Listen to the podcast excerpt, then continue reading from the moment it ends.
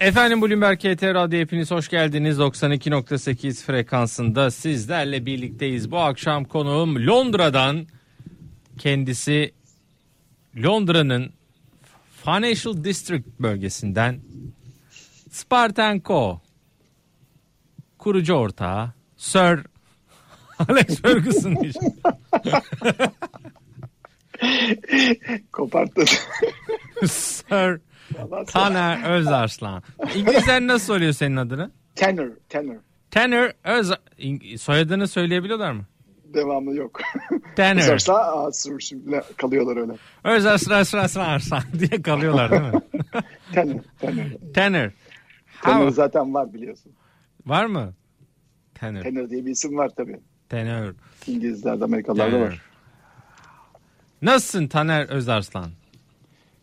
I'm fine, thank you. And you? Vay. diye başlarmışız. İngilizce de sağlam hocam. Vay vay vay. Fluent diyorsun yani. Abi ne yapıyorsun Londra'da? Ee, Londra'da e, mecburi bir gelişim vardı. Mecburi Ee, geliş nasıl oluyor? Yani mecburi bir buraya gelmem gerekiyordu. Mecburi hizmet gibi bir şey mi? Ee, Yaklaşık bir işte 8-10 gün buradayım. İşlerim var. Oh. Ee, buradan buraya gelmek kolay dönmek zor biliyorsun. Nasıl Bakalım, döneceksin? e, e, yani Bükreş veya işte Kiev ona benzer bir uçuş üzerinden döneceğim. E, tabii burada vaka sayısı hani aslında şöyle kısaca anlatayım ne oluyor. Hmm. E, İngiltere bu işi nasıl başardı diye aslında bir başarı öyküsü. Çünkü başta çok eleştirildi İngilizler. E, işte sürü bağışıklığını kullanıyor dendi. E, hakikaten sürü bağışıklığını kullanmış bu arada. Yani burada görüştüğüm birkaç kişi e, henüz şu anda 5 günlük bir e, karantina süresi var gerçi ama Hı hı. e, işte gelirken yolculuk sırasında filan konuştuğum kişiler şunu söylediler. İngiltere'de başlangıçta insanlara sadece ilaç olarak parastamol vermişler. Evinizde oturun, parastamollerinizi için. E, tehlikeli bir durum olursa hastaneye gidin. Hı hı. İster pozitif çıksın, şey e, herkese karşı bu tier 5 diye bir şeydeymiş. e, tam karantinada uygulanan metot buymuş. Herkes basit bir ilaç alsın. E, istediğin kadar öksürük oldu. Zaten bir kısmı e, hastaneye bile gidemeden evlerinde kaldı. Çok insan öldü. E, ama e, arkasından daha ciddi önlemler aldılar ama ilaçları çok değiştirmemişler. Çünkü diğer ilaçların bu işe gerçekten e, iyi gelip gelmediğiyle ilgili soru işareti olduğu için o ilaçları vermemişler. Bizim avantajımız Türkiye'de bu ilaçları çok hızlı devreye soktuk ve ölüm oranları çok azaldı bizde. Risk aldık e, ciddi anlamda ama başarılı oldu bizim sağlık sistemimiz. Burada risk, risk alınmamış. Onların şu anda doğru yaptığı şey e, karantina önlemlerine sıkı sıkıya çok bağlılar.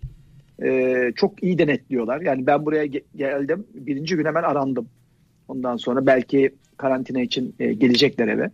E, çok çok dikkat ediyorlar. E, sadece e, sipariş var e, yemek tarafında. Her yer açık ama hep take away dediğimiz al götür servisi var. Restoranlar kapalı mı? Kapalı, restoranlar kapalı. E, yani çok önem veriyorlar ama artık ölü sayısı 10 kişiye falan düşmüş. E, Öyle 1000-2000'lerde galiba vaka sayısı da. Hala önlemlerini e, gevşetmiyorlar. Ama dediğim gibi çok dikkat ediyorlar. Mesela çok ilginçtir. Hani bizim Türkiye'den- Türkiye'deki Ha. Türkiye'dekinden farklı olarak sana şunu söyleyeyim. Mesela maske takma zorunlu değil açık alanlarda. Hmm. İnsanlar genelde maskesiz dolaşıyor. Çünkü e, temiz havanın e, muhtemelen artı e, taraflarını alıyorlar ve hani bunun temiz havada e, çok da gerekli olmadığı düşüncesindeler. Kapalı alanlarda tamamen maske takılıyor. İşte e, özellikle e, şey e, insanları bir yerden bir yere giderken tra- transportation vesaire işte yani e, her türlü e, transportta Ulaşım. şey yapılıyor. Ulaşımda kullanılıyor. E, ama onun haricinde işte okullar açık. E, bütün çocuklar okula gidiyor. Yani okulu, eğitimi e, ne Amerika ne İngiltere hiçbir zaman kesmedi. Mesela bizim eksiğimiz bence o. Eğitimi ne olursa olsun kesmememiz lazımdı. E, çünkü çocuklara bunun zaten e, geçme olasılığı daha düşük. E, eğitim sonuçta onlar bizim geleceğimiz.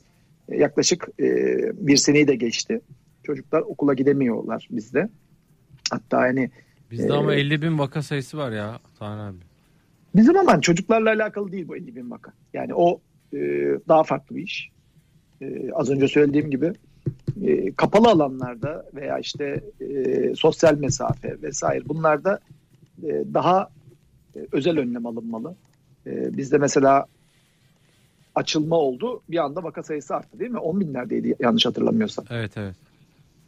E, o açılmayı anlamlı yapamadık. Yani çok gelişi güzel e, uygulandı Peki orası. devlet nasıl destek veriyor İngiltere'de Yani çok ciddi. işletmelere? işletmelere e, büyüklüğüne göre e, yaklaşık e, cirosunun e, dörtte biri oranında destek veriyor. E, ana kriter o. E, yani senin 200 bin pound bir şeyin varsa, e, revenue gelirin varsa 50 bin dolar, 50 bin pound civarında sana para veriyor. Yetmezse bir daha aynısından veriyor. Büyük işletmelere e, ekstra çok teşvikler var. Çalışan tes- destekleri çok güçlü. E, yani restoranın varsa, kapalıysa sen aslında hayatını idame ettiriyorsun. Zaten e, kira vermiyorlar hemen hemen hiçbirisi ve kimseyi de kira ödemedin diye de dışarı çıkartmıyorlar. E, böyle bir yasa var. E, yani orada bir mücbir sebep bizim kavramımızla e, buradaki e, düzenleme e, devlet tarafından hiç kimseyi e, para ödemediği için dışarı çıkartamazsın kuralı var. Ve bunu kanun olarak e, getirmişler.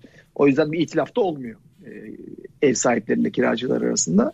Herkes birbirine şey yapıyor, e, destek oluyor. Eğer ki mortgage'la aldıysa devlet ona da e, mortgage'ını e, bankaya ödememe için e, ona fırsat veriyor. O da yasaya girmiş durumda. Yani ben kira alamadım. Mortgage'ımı ödeyemiyorum. Yani şeyimi e, konut kredisi taksitimi ödeyemiyorum diyene karşı da e, koruma veriyor bankalar tarafından. Vay be. Yani e, bizde tabii eğitimciler aşılanmadı. Hala Süleyman Bey de yazmış. Bizde Süleyman e, Bey'in yazdığı eğitimciler ama bugün bir e, açıklama gördüm. Futbolcular işte aşılanacak falan diye. Ya arkadaş futbolculardan önce öğretmenleri biz aşılayalım. Doğru. Futbolcu Yani yani taş gibi genç adam. Geçiriyorlar zaten. Hiçbir problem yok. E, Aynen futbol biz eğitimcilerimizi, öğretmenlerimizi aşılayalım ya. Ondan sonra işte Taner abin dediği gibi belki okulları devreye sokalım. Nedir yani futbolcuyu aşılayalım, öğretmen daha hala bekliyoruz. Öğretim üyeleri, öğretmenler. Yani bir de şu var. e, burada da evet. aynı Türkiye'deki gibi yani sırayla geliyor bu arada. Yani yaşa Yaş, göre yaşla geliyor. mı geliyor? Evet şu anda 40-50 arasına düşmüş durumda. Ee, yani 35-40 milyon kişiyle şu anda aşılamış durumdalar. Ama zaten bu aşıyı da ikinci dozlar gelecek. Artı 6 ayda bir de yenilenecek bu aşı. Ee, burada bırakmıyorlar. Ee, o yüzden bir sürekliliği var o aşı işinin de. Ee, ama herkesin işte e, programı geldiğinde e, gidiyorlar aşı Sen oluyorlar. Türkiye'den gittin diye sana ekstra bir önlem uygulamadılar mı? Ee, ekstra önlem zaten buraya gelirken şey yapıyorsun. Ee, Türkiye'de bir e, mutlaka test yapıyorsun 3 gün PCR. içerisinde.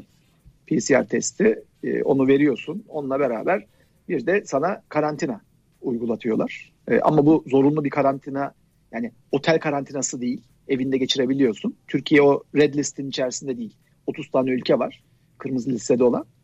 E, onların arasında değil. O yüzden Vallahi Ee, nasıl değil ya? 50 bin vaka var ilginç. Değil. Hatta bugün galiba bir şey vardı. e, uçuş dairesi bizim sivil havacılık kurumu e, İngiltere'ye İngiltere'nin bunu uygulayacağını söylemiş ama e, herhangi bir açıklama gelmedi İngiltere'den. E, hani gelmeyi düşünenler varsa kısa vadede bir an önce gelsin. Çünkü o uygulanabilir. O da 1750 poundluk bir otelde bırakıyorlar 10 gün seni. E, o çok maliyetli tabii. Yani yüksek bir maliyetli. Muhtemelen 1750 yemekli. pound mu? 1750 pound. Pound şu an 11 11 lira diyelim. Yani 20 bin lira desen. Evet. Sadece otele 20 bin lira vereceksin. Çünkü muhtemelen e, her türlü onun e, yemek vesaire içindedir. Hmm. E, bu 30 tane ülkeden gelenler e, o kırmızı listedekiler ona uygun geliyor. Türkiye onların arasında değil.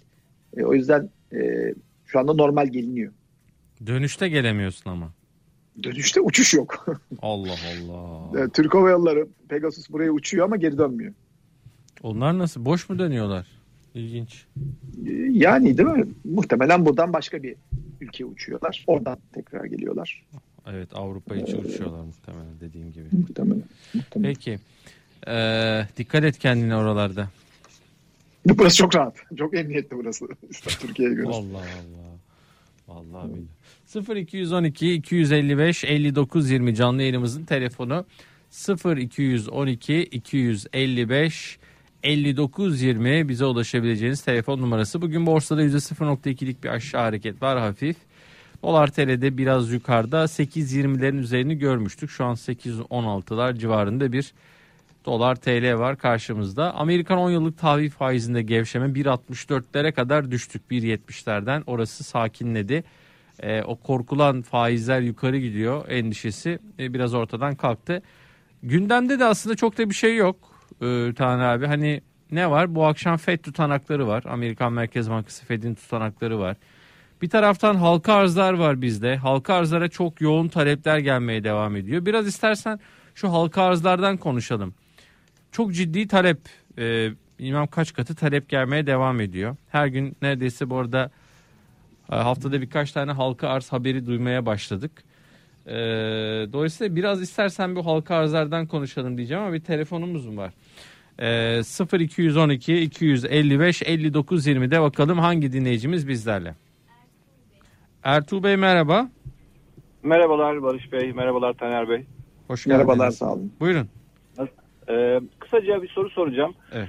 Ee, artık biz yani batıdan tamamen ipleri kopardık ve doğuya yöneldiysek eğer e, doğudan da işte swap kanalları işte bunun gibi başka kanallarda olmayacaksa borsadaki artık ana itici güç yabancı yatırımcı değilse iç yatırımcıysa e, ve bütün bunları alt alta koyduğumuzda orta vadeli hani nasıl bir projeksiyon düşünür acaba Taner Bey ve e, siz Barış Bey e, düşünürsünüz onu merak ediyorum. Çünkü sanki böyle ben şey gibi görüyorum da hani sanki hmm, ana yani ülkenin kapısını kapattılar anahtarı da göle attılar ve hani dışarı e, no way out gibi bir durum var.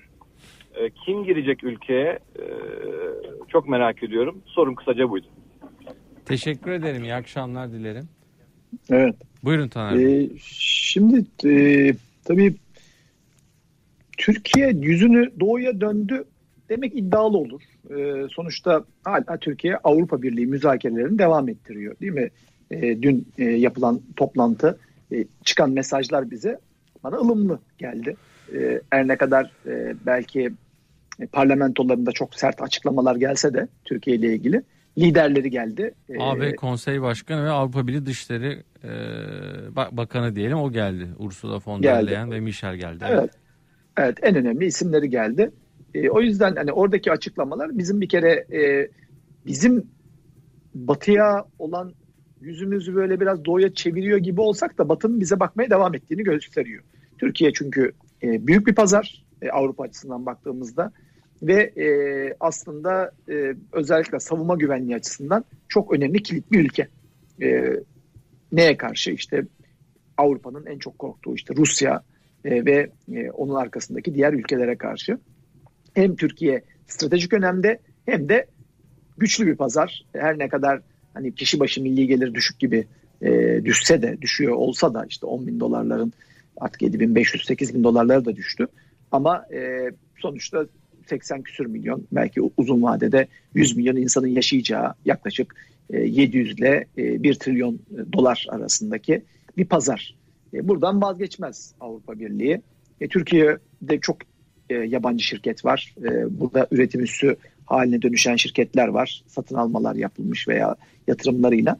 O yüzden e, Türkiye ama yani yabancılar da şu açıdan da e, çok haklı değiller. Yani Türkiye'yi böyle belirli e, müzakere isimleriyle, belirli işte vize serbestisi gibi laflarla Türkiye'yi oyalamaya da devam ediyorlar. Yani orada da net değiller e, ve böyle net olmamalarının sebebinde bazı e, donelere bırakıyorlar ama hani o doneler evvelden de yoktu şimdi de yok.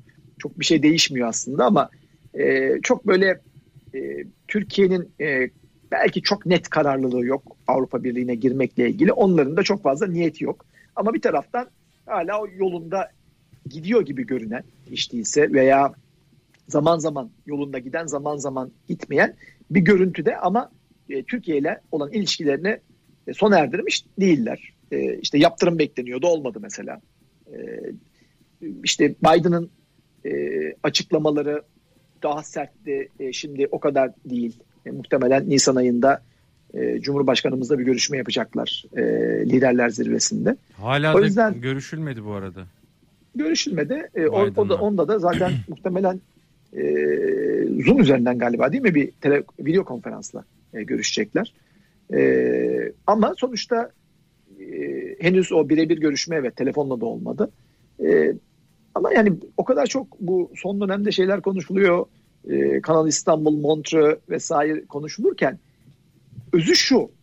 e, Rusya hala bir tehdit ve ciddi anlamda Ukrayna ile Rusya arasındaki gerginlik artıyor. E, çünkü Ukrayna biraz daha Avrupa Birliği'ne ve NATO'ya e, doğru dönmeye başlıyor yüzünü. Bu Rusya'nın işine gelmiyor. Rusya kırmızı çizgi belirlemiş durumda. Amerika'nın kendi kırmızı çizgileri var ve e, Türkiye hakikaten burada kilit ülke şu anda. Yani jeopolitik açısından e, kilit ülke olmaya devam ediyor. E, bu tartışmalar da boşuna çıkmıyor e, benim gördüğüm. Biraz hani hep ekonomi yerine e, jeopolitik e, siyaset konuşuyoruz. Bu aslında senin de konun. E, sen de bir şeyler hani böyle düşünüyorsan keyifle dinleriz. Eyvallah. Ben de sopa attım böyle ortaladım sana hadi bakalım. Ben bir şey düşünmüyorum abi ya. Şimdi bir şey ne diyeyim ya? Vallahi zor dönem. Türkiye e, işte, e, Ukrayna'ya işte batıya yanaşsa NATO üyesi olsa diyelim. Yeni dönem Biden işte adam katil dedi Putin'e e, hı. doğrudan. Bundan da vazgeçmiyorum dedi. Bu sıkıntı. E sen e, Amerika Rusya'ya karşı Ukrayna meselesi de diyelim ki Türkiye yanına çekti. Sen Rusya ile aranı nasıl kötü yapacaksın? Doğalgazı oradan alıyorsun. Burada nükleer santral yapıyor adamlar. Efendim, e, Suriye'de işbirliği yapıyorsun Ruslarla. Zor denklem yani Türkiye işte o yüzden ne tamamen e, Rusya'ya yanaşıyor ne de tamamen Amerika'dan vazgeçebiliyor. Böyle arada gidip geliyoruz. O arada bütün gidip gelmelerde, bütün sallantılarda işte kur oynaklı olarak e, sanki önümüze geliyor gibi. Naçizane ben bunu söylemiş olayım. Daha da fazla bana yorum düşmez hocam. 0212 255 59 20 Mizar Bey. Nizar Barış Bey. Ni, neyle mi? Evet neyle? Ne, ne demek efendim isminizin anlamı? Ee, birkaç anlamı var ama az bir şey nur. Az nasıl? Az bir şey nur demek. Biraz nur. Biraz nur demek. Hani böyle yüzünün nuru falan gibi mi? Ee, değil de biraz böyle İslami bir anlamı falan var öyle. Anladım efendim. Peki. Değişik bir anlamı var. Ee, Buyurun. Bizim ekonomimizde sanırım İstanbul trafiği gibi Barış Bey. Bir türlü çözemiyoruz. Bir tık tıkanıklık var bir çözelim diyorsunuz. Aynen öyle. Ee, az önce halka arzlardan girmişsiniz aslında onun için aramıştım ben. Aynen, Konu aynen. sonradan Hmm. biraz kaydı gibi. Evet. Ee, şimdi e, Londra'da bugün bir tane hisse halka arzı oldu. Ee, Delivero ismi yanlış hatırlamıyorsam. Ee, fiyatlaması çok e, farklı girdi. Biraz da e, yüksek girdi gibi geldi. Ben şey sormak istiyordum. Bizdeki halka arzlar da sanki biraz yüksek değil mi fiyatlamalar açısından? Nasıl yani? Bu Fiyat- Delivero, Delivero aynı bizim Getir gibi. Yani e, şöyle 390 sterlinlik bir halka arzı olacakmış. Ama talep görmediği için 285 dolardan 285 sterlinden girmiş. Ben olsam Delivery'nin yanında Türkiye'de halka arz olurdum. 280'den çıksa 1280 olurdu birkaç aya. Aynen. Ee, ama şöyle bizdeki halka arzlar da çok yüksek geliyor talep fazla olduğu için sanki. Yani fi hayır ama fiyatlar mesela 7'den çıkıyor 70'e gidiyor. 10'dan çıkıyor 70'e gidiyor. Fiyat yüksek çıkmıyor ki. Sonradan bizde talep çok. Sonradan da fiyat e, tavan tavan gitmeye devam ediyor. Hani çıkış fiyatını söylüyorum. Sıkış fiyatını mı söylüyoruz? Çıkış fiyatları o kadar yüksek olsa diyeceğim ki neden bu kadar 8-10 tavanla devam ediyor? Ee, bilemedim yani neyi tam olarak kastettiniz yüksek diye? Yani tam olarak kastettiğim şu bizdeki talep biraz fazla olunca hisse Evet. alamıyoruz zaten halka arzlarda. Doğru. Ee, yani o fiyatlar yüksek değil mi ya da değerlemeler doğru mu yapılıyor halka arzlarda? Peki değerlemeler yüksek olsa neden bu kadar talep var? İnsanlar talep etmez değerle çok yüksek fiyattan çıktı diye. Ee, bence Emin biraz misin? şeyden kaynaklanıyor gibi de biraz böyle e, parayı vur kaç yapalım gibi. Ha, aynen. Bence de bunda biraz soralım bunu. Çok teşekkürler sorunuz için. Güzel. evet. İyi akşamlar. Yani İyi akşamlar. Buyurun Yani Bey. belki sıklıkla eleştiriyorum ama e, insanlar e, bu ülkede 3-4 milyon insandan bahsediyorum. Bu kripto paraları alıp satıyor. Niye alıp sattığını bilmiyor. Sadece fiyat yükselebilir diye alıyor. Hatta öyle diyorlar. Diyor. Hani vardı ya bu Evet. Ata Demirer'in bir tiplemesi. E, şeyde neydi o Avrupa yakasında. Hmm. E, öyle diyorlar filan derdi hani. Hı. Çok güzel yapardı onu. Hmm. Niye? Öyle diyorlar. Kim diyor? İşte bizim arkadaşlar veya o onun bilmem ne tanıdığı var filan. Bir şey böyle. Niye? Çünkü herkes para kazanmayı Komik- umut ediyor. Komik değil mi? Niye gülüyorsunuz? Bizim buradaki ekipte gülüyor. Ama hatırlamışlardır o tiplemeyi de hatırladılar o yüzden gülüyorlar. Tamam pardon. Ee, şimdi özünde insanların umudu hep kazanmak. Kaybetme üzerine bir umut kurulmaz. Ve bu insanları heyecanlandırıyor. Çünkü çevredeki hikayeler, duydukları e, böyle sanal dünyada, e, e, sosyal medyada yazışmalar, çizişmeler insanları hep böyle e, burada muhteşem paralar kazanılıyor. Herkes zengin olacak hayaline sokuyor. Hatta hatta insanlar oradan aldıkları 30-40 lotu çok şey yapmıyorlar. E, yani bana ne bileyim işte onda biri geldiyse 300 lot talep ettim. Onda biri geldiyse oh diyor. Bir de biliyorsun burada oransal dağıtım oluyor borsada satış olduğu zaman veya işte e, bireylere bir tahsisat yapılıyorsa onu da oransal yapıyorlar. Ama oransalı daha çok önce herkese birer tane dağıtıyorlar. E, o yüzden ne kadar çok adetle böyle bir ailenin içerisinde 20 kişi varsa hepsine talep girdiriyor ki alabildiği kadar fazla alsın diye. Bunu böyle artık bir e, koşturma haline dönüştürdü Hmm. e, birçok insan. O yüzden 850 bin yatırımcı falan geliyor. Yoksa Türkiye'de bundan daha bir yıl önce 1 milyon yatırımcı vardı. E, bunların da 50 bin tanesi falan aktifti. 50-100 bin tane yani en fazla 100 bin aktifti. Yani ciddi olan e, parası olan belki 10-20 bin yatırımcıydı. Şimdi gelen yatırımcıların çoğu hakikaten ne bileyim 5 bin lira parası var toplam. E, onu bölüyor. Kaç kişi işte ailenin bütün bireylerinde 20 kişi varsa hepsine e, talepte bulunuyor. Amaç ne? Alabildiği kadar çok alayım. İşte 5 bin lira mı 15 bin lira yapayım. Bunun peşinde e, koşuyor ve burada böyle bir trend olduğu için de e, bu aynı e, 2000'li yılların başında da oldu. 90'ların e, ortasında da oldu. Böyle bir halka arz furyasına dönüştü iş. Şimdi değerlemeye geçersek değerlemeleri mümkün olduğunca o piyasanın çarpanlarına göre yapıyorlar. Zaten burada Borsa İstanbul'da, SPK'da buna dikkatle bakıyor ve hani pahalı bir fiyattan çıkmayı çok fazla e, mümkün kılmıyor. Yani onların bu konudaki denetimleri e, tam. Ama onlar da tabii ki şuna bakıyorlar. Hani bu senenin bilançolarına bakıyorlar veya işte anılan dönemin bilançosuna bakıyor. E çünkü uluslararası e, değerleme standartları da buna bakıyor. E, mevcut yapı, kar yapısı e, ve e, sektörünün yapısına bakarak çıkılıyor.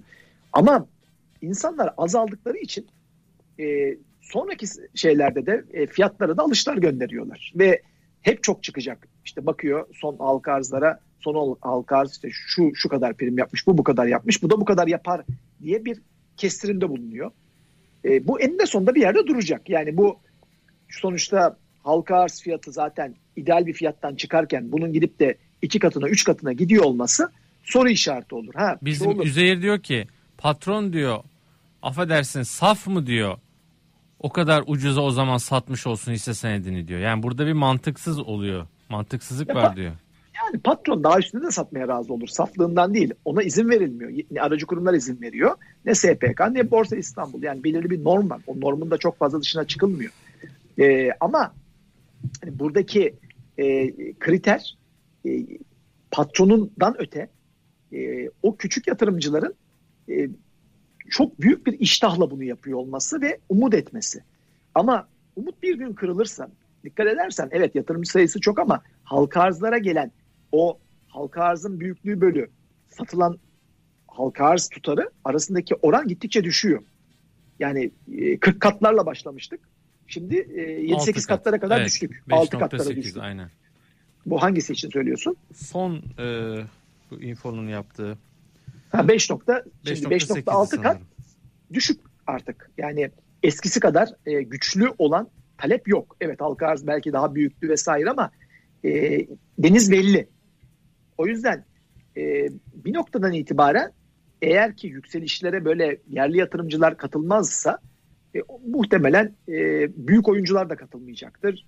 Kurumsal yatırımcılar ilk önce satan olacaktır gibi halka arzların o performansı normalize olacaktır. Yani bu sağlıklı bir piyasa da değil zaten.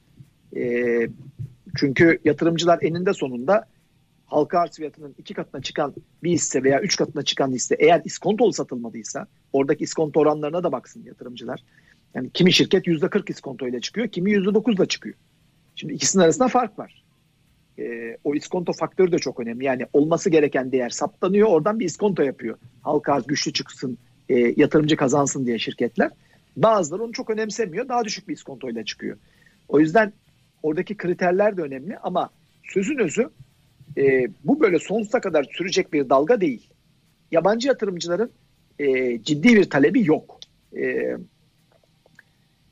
ikincisi, üçüncüsü de yani e, daha dikkatle bakılması lazım. E, neye daha dikkatle?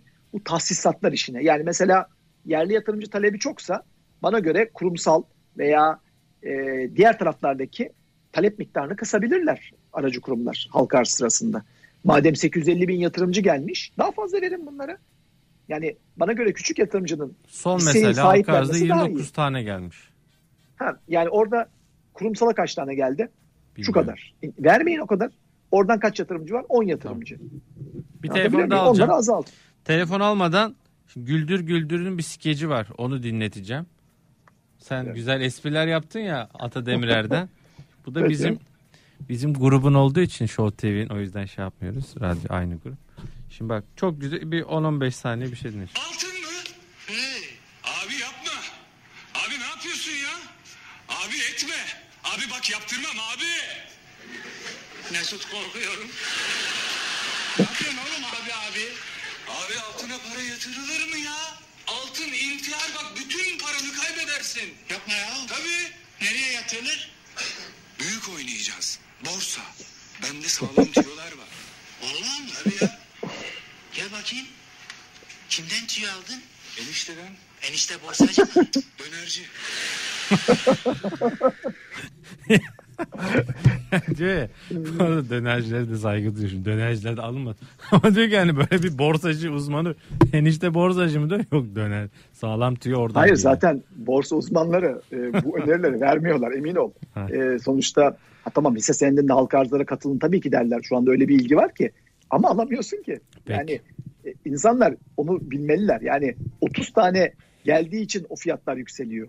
Bir, O te- insanlara sattık yani talep ettiklerin hepsi gelse zaten yükselmez o fiyat. bir telefon da alacağım 0212 255 59 20 0212 255 59 20. Tunç Bey merhabalar. Barış Bey nasılsınız? İyiyim sağ olun Tunç Bey siz nasılsınız? Gayet iyi. Dönerciden tüyoları aldınız. Aynen öyle. Valla. Her sağlam kaynağı bulmuşsunuz ama ben Taner Bey'e sorayım ya. Dönerciyi geçelim. Buyurun buyurun. Taner Bey'e de iyi akşamlar. İyi Ya akşamlar Tunç Bey. İyi akşamlar. Biliyorsunuz bir 2018 Ağustos'ta bir kriz yaşadık ve o krizden hızlı bir şekilde çıktık. Bugünkü krize benziyordu o krizde. Ee, 2008 mi? şimdi 2018 Ağustos'ta. Biliyorsunuz Tamam. işte dolar 7-11 oldu. Sonra oradan tekrar 2019 başında 5 lira ne bileyim işte küsürlere indi vesaire. O arada ihracatımız ve ithalatımızı geçmişti hızlı bir şekilde. O zaman tabii rezervlerimiz de vardı. Şimdi onun benzeri bir krizdeyiz. Ee, ama bu defa ihracatımız bir türlü ithalatımızı geçemedi yani. Epeydir de oldu. Yaklaşıyor yaklaşıyor ama bir türlü geçemiyor. E, rezervlerimiz de kalmadı. Bir kala kala bilmiyorum. Onlar da şayet harcanmadıysa milletin elindeki dolarlar kaldı. DTH'lar kaldı. Ee, Taner Bey'e sorum şu. Biliyorsunuz 2018 krizinden işte Ağustos, 2019, Ocak, Şubat'ta biz hemen hemen çıkmış gibiydik. Bir kendimizi bulmuştuk. Yani neredeyse Eylül, Ekim, Kasım, Aralık, Ocak. Neredeyse 5 ayda çıkmıştık. Sizce bu krizden biz bu kadar kısa zamanda çıkabilir miyiz? Artı dövize ihtiyacı olan bir ekonomiyiz.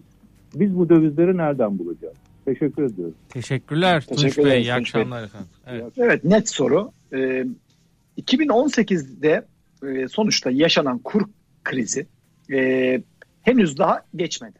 Yani Türkiye eğer onun adı krizse henüz daha kriz ortamından henüz kurtulamadı. Çünkü üzerine bir de pandemi girdi. E, pandemi dolayısıyla ekonomide aslında ciddi bir daralma var.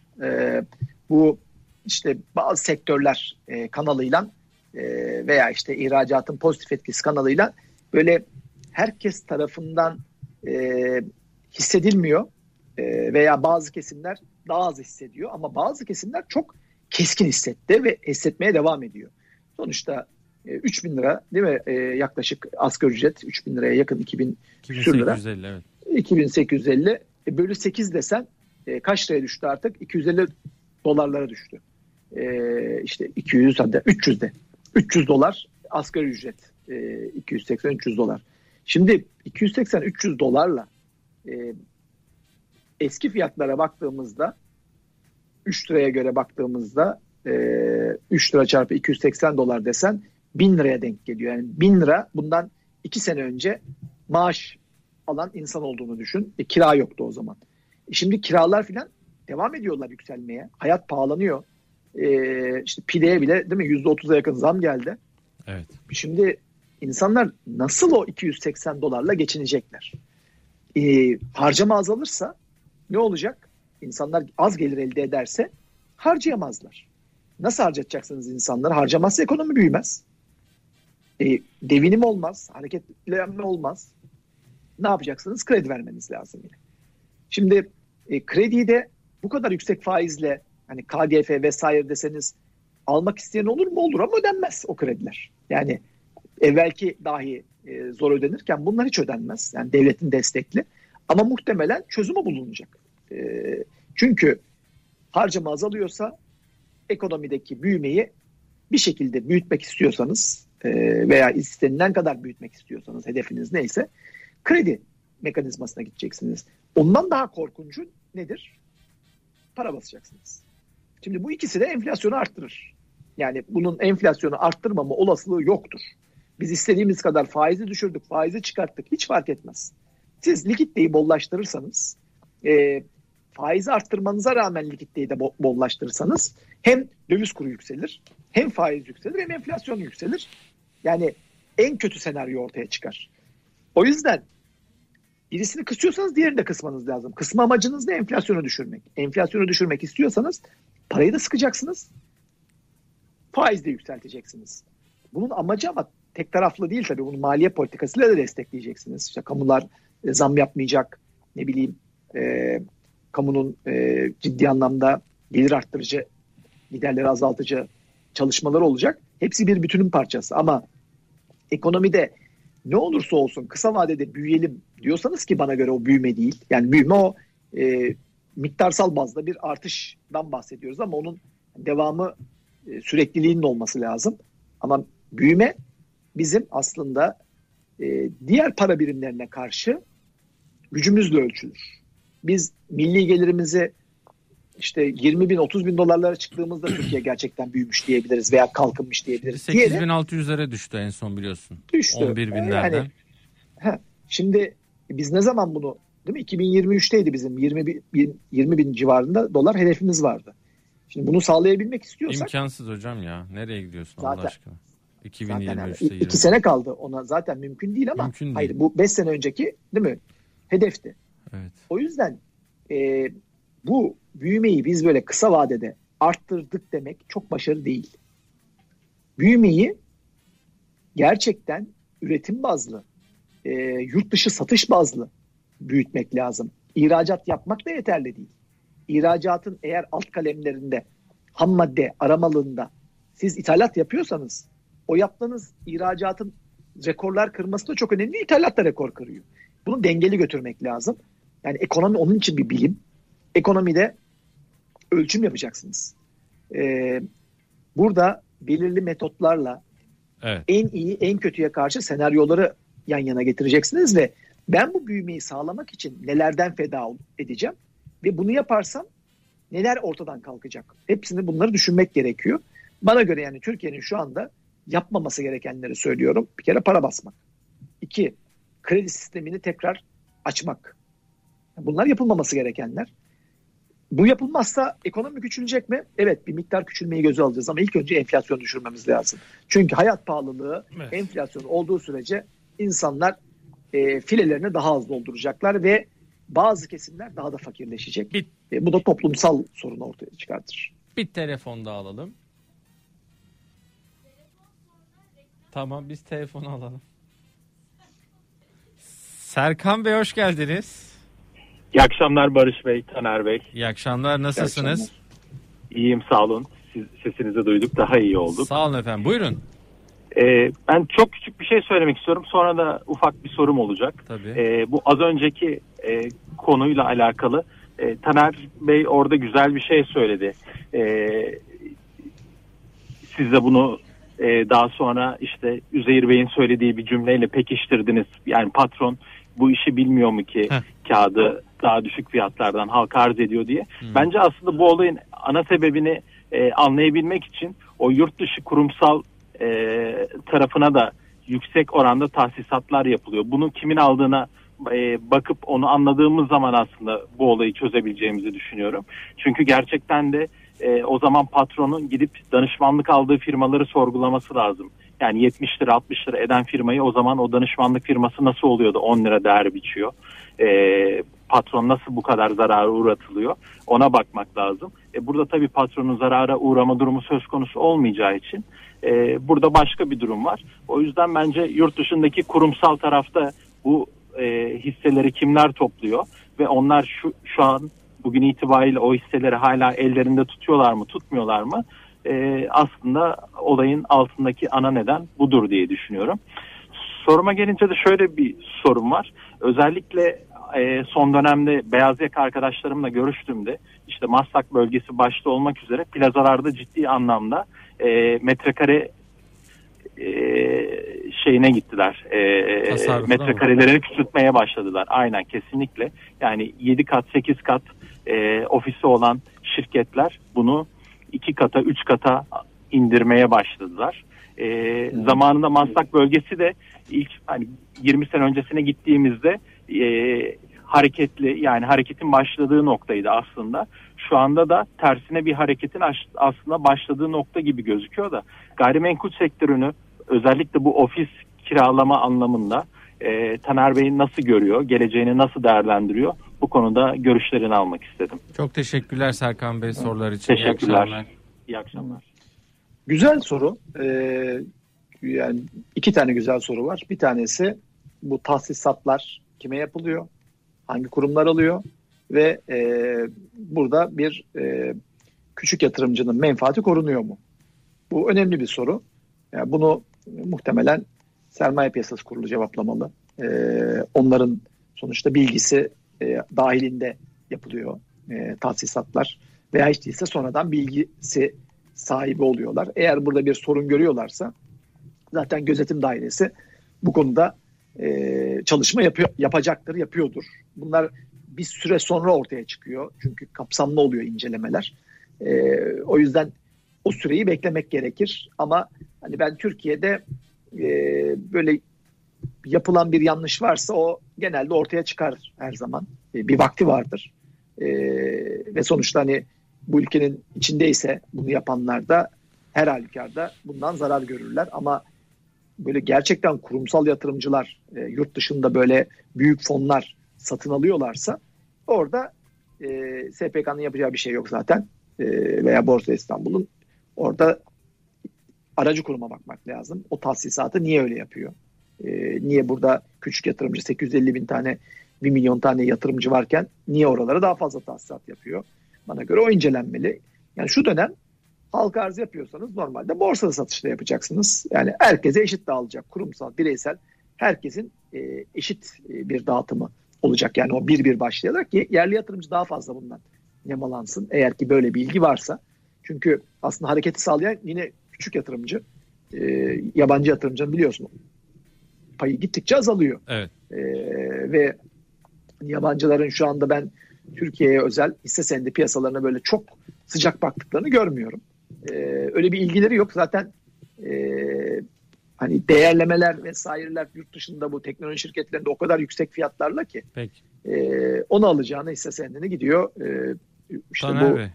hedge fonlarla giriyor. Sorun var. E, ara var da bu e, 8'den Peki. önce girmemiz lazım. Sorunun Peki. ikinci yanıtını, ofislerle ilgili yanıtını hemen iki dakikalık reklam yok yok iki dakikalık reklamımız var hemen hemen onlardan rica edebilir miyim? Peki. Tabii. İzleyicimiz de kusura bakmasın hemen bu şu reklamı girelim sonra Taner Özarslan'dan yanıt almaya devam edeceğiz. Hemen döndük. Ben de Taner Özarslan'a soruyu iğneliyorum. Bu e, ofislerle ilgili daralmalar Bütün dü- ne dersin? Bu tüm dünyada bir trend zaten. E, ofis Londra'da e, da mı kiraları tabii tabii her yer bomboş Gerçi zaten. Londra'da bu E, Brexit hikayesi de var. O yüzden de finans biraz terk etti. Finans dünyası tüm Londra'ya ama dünyada tüm dünyada şu anda ofis kiraları e, gittikçe gerileyecek. Burası net. E, ve buradaki bazılarını belki otellere döndürürler, bazılarını konuta döndürebilirler. Çünkü konut ihtiyacı da tam tersine artıyor. Önümüzdeki dönemin trendlerinden bir tanesi olacak. E, bunların içlerini yapılandırmak demek ki. E, inşaat sektörü açısından işte ise iç mimarlar için güzel bir haber. E, bazı ofisler bana göre rezidansa döndürülecek. E, çünkü öyle bir talep olmadığı, e, fiyatların sürekli aşağı geldiği ve hani şirketlerin de e, küçülme e, politikasına girdiğini göreceğiz diye düşünüyorum. Ama tam tersine de konutta da bir e, konut açığı ortaya çıkıyor. İnsanlar da artık evden çalışmayı veya şirketler de evden çalışmayı e, özenmek veya özendirmek isteyecekler. O yüzden e, orada bir trend dönüşümü olacak gibi görünüyor. Peki. Taner Bey çok teşekkür ederiz. Ben teşekkür ediyorum. Ne zaman dönüş Londra'dan? Haftaya. Kiev'den mi? Yani bilmiyorum. Daha bilmiyorum. bilmiyorum. Bükreş'ten mi? Bence ikisi de. Bükreş daha yakın değil mi ya? Niye Kiev'e? Uçak Ee, alakalı. yani Mesela Türk Hava Yolları'na mı bazıları biliyorsun peki vermiyor. yine? Yoksa Yok. sen Türk Hava Yolları belki dönebiliyor bir yerden. Onu bilmiyorum. Transit deniyor buna. ha. Ee, havaalanına zaten hiç dışına çıkmıyorsun. British, İçinden transit yolcu olarak British'le devam mi ediyorsun. dönüyorsun? Yoksa sen Çok ayrı ayrı iki bilet mi alıyorsun var. yani merak ettim onu Benim özel jetim var onunla döneceğim de onu söyleyeyim dedim. O da olur tabii. İnşallah. yok öyle bir şey yok. Ee, KLM vesaire bilmiyorum. KLM olabilir. Ee, bir çevresi olabilir. Yani o neye denk gelirse artık haftaya bakacağız. Minibüs gibi artık ne gelirse. Çok teşekkürler. Peki teşekkür ediyorum. Ne getireceksin Londra'dan bize peki? Bırak. Jetten minibüse düştük ya. Neyse. Sana e, ne getireyim? Evet. Londra'nın E, nesi meşhur? Londra'nın vallahi e, bu healthcare denilen sistemde çok iyiler şeyde. E, bu orijinal gıdalar veya işte e, destekleyici gıdalarda çok iyiler. Yani bilim tabii orası. Ya bu Onlardan getireyim sana Londra'daki performanslardır. ün, ün, ünlü şey neydi? Ünlü alışveriş mağazası. H ile mi başlıyordu neydi? Herald var. He- Harrods. Harrods mıydı Herald ya? var. Herald var. Şu biraz da böyle eski tarihi bir binası vardı. Adı aklıma gelmiyor. Evet evet. Orada- Oradaki o bina var. Orası güzeldir. Londra. Ee, bir de bir de ben şu şey kra, şeyden çok etkilenmiştim. Ee, bu saraya giden o ana büyük cadde. Buckingham Palace. Evet. Ana büyük cadde ee, orası da hakikaten güzel Londra. Londra güzel ya hocam. Güzel gezme inşallah bu şey sonrası. Bittikten sonra bu işler. Bittikten sonra evet. e, herkes aslında her yere gitmek istiyor. Lo- Londra'dan da insanlar Türkiye'ye gelmek istiyor biliyorsun. Tabii tatil Çoğu için. e, Fethiye'de onların yazdıkları var. E, Hmm. çok ciddi şekilde e, İngiliz var. Onlar da hızla bu soğuktan kurtulmak istiyor. Burası soğuk sonuçta 6-7 derece. Bugün İstanbul 21-22 derece. Yani işte gelmek istemez mi insanlar? Çok teşekkürler Taner Bey.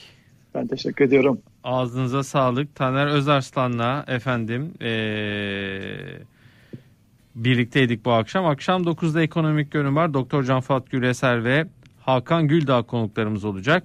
Saat 22'de küresel piyasalar e, bizlerle ve e, konuğumuz efendim saat 10'da Tufan Cömert ve Cem Tözge olacak. Haftaya Taner Özarslan yine Londra'dan bağlanacaksın değil mi hocam?